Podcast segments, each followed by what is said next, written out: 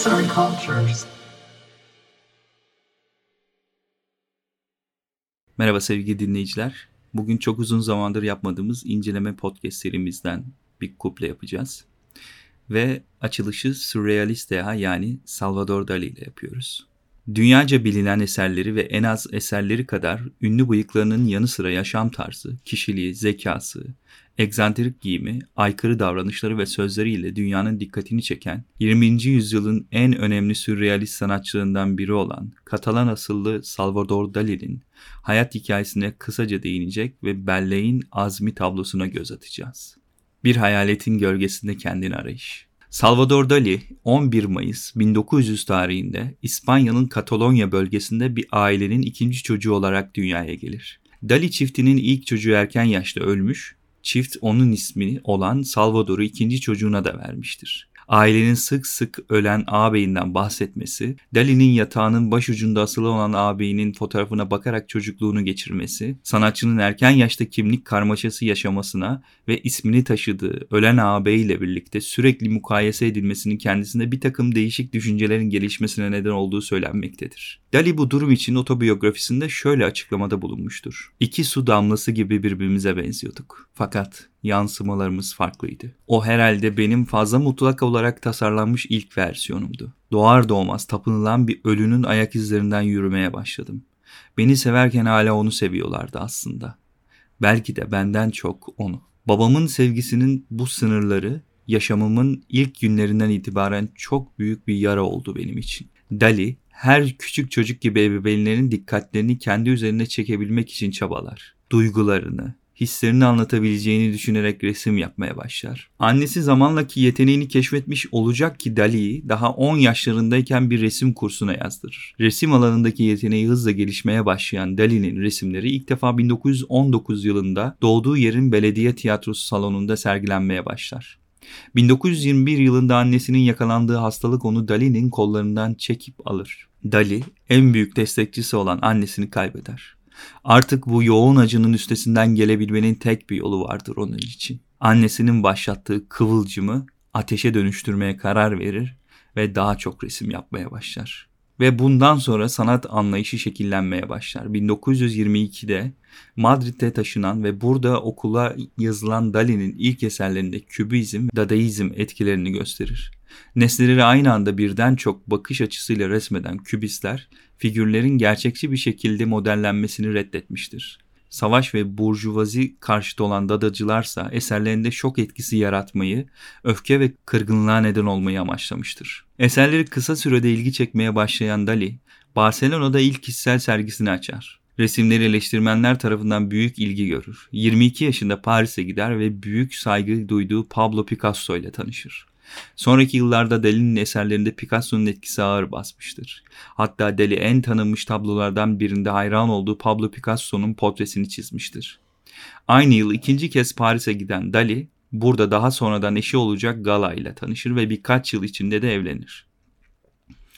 1928 yılında sanat eleştirmenleri Louis Montagna ve Sebastien Gash ile birlikte sanatta modernizmi ve fütürizmi savunan sanat karşıtı Katalan Manifesto ya da bilinen adıyla Sarı Manifesto'yu yazar. Genç Katalanlara hitaben kültürel ve şiddetle savunulan her şeyin çürümüş halini, fütürist ve kübist mirasını, Dada'nın yönlerini kınar. Kendi yazdığı film senaryoları da bulunan Dali, bir Endülüs köpeği isimli avantgard filmine sanat dünyasının ilgisini çekmiş, bu vesileyle sürrealist gruplarla tanışma fırsatı elde etmiştir. Çılgın giyim tarzıyla insanların dikkatini çekmiş, aynı zamanda Christian Dior, Elsa Schiaparelli ile moda tasarımı üzerine çalışmıştır. Man Ray, Brassia, Cecil Beaton ve Philippe Hansman gibi zamanın ünlü fotoğraf sanatçıları ile birlikte eserler üretmiştir. Dali'nin farklı alanlarda üretilmiş 1500'ü aşkın sanat eseri bulunmaktadır. Ve herkesin bildiği Belleğin Azmi yani diğer ismiyle Eriyen Saatler tablosuna biraz bakalım. 1930'lu yıllardan itibaren Dali'nin eserlerinde sürrealizmin etkileri görülmeye başlamıştır. Sürrealizm yani gerçek üstücülük 1900'lerin başlarında Avrupa'da ortaya çıkar. Şair ve ressamlar Birinci Dünya Savaşı'nın yol açtığı yıkım karşısında dehşete kapılır, akılcı tutum karşısında tavır alarak bilinç dışının düşsel dünyasına yönelmeye başlar.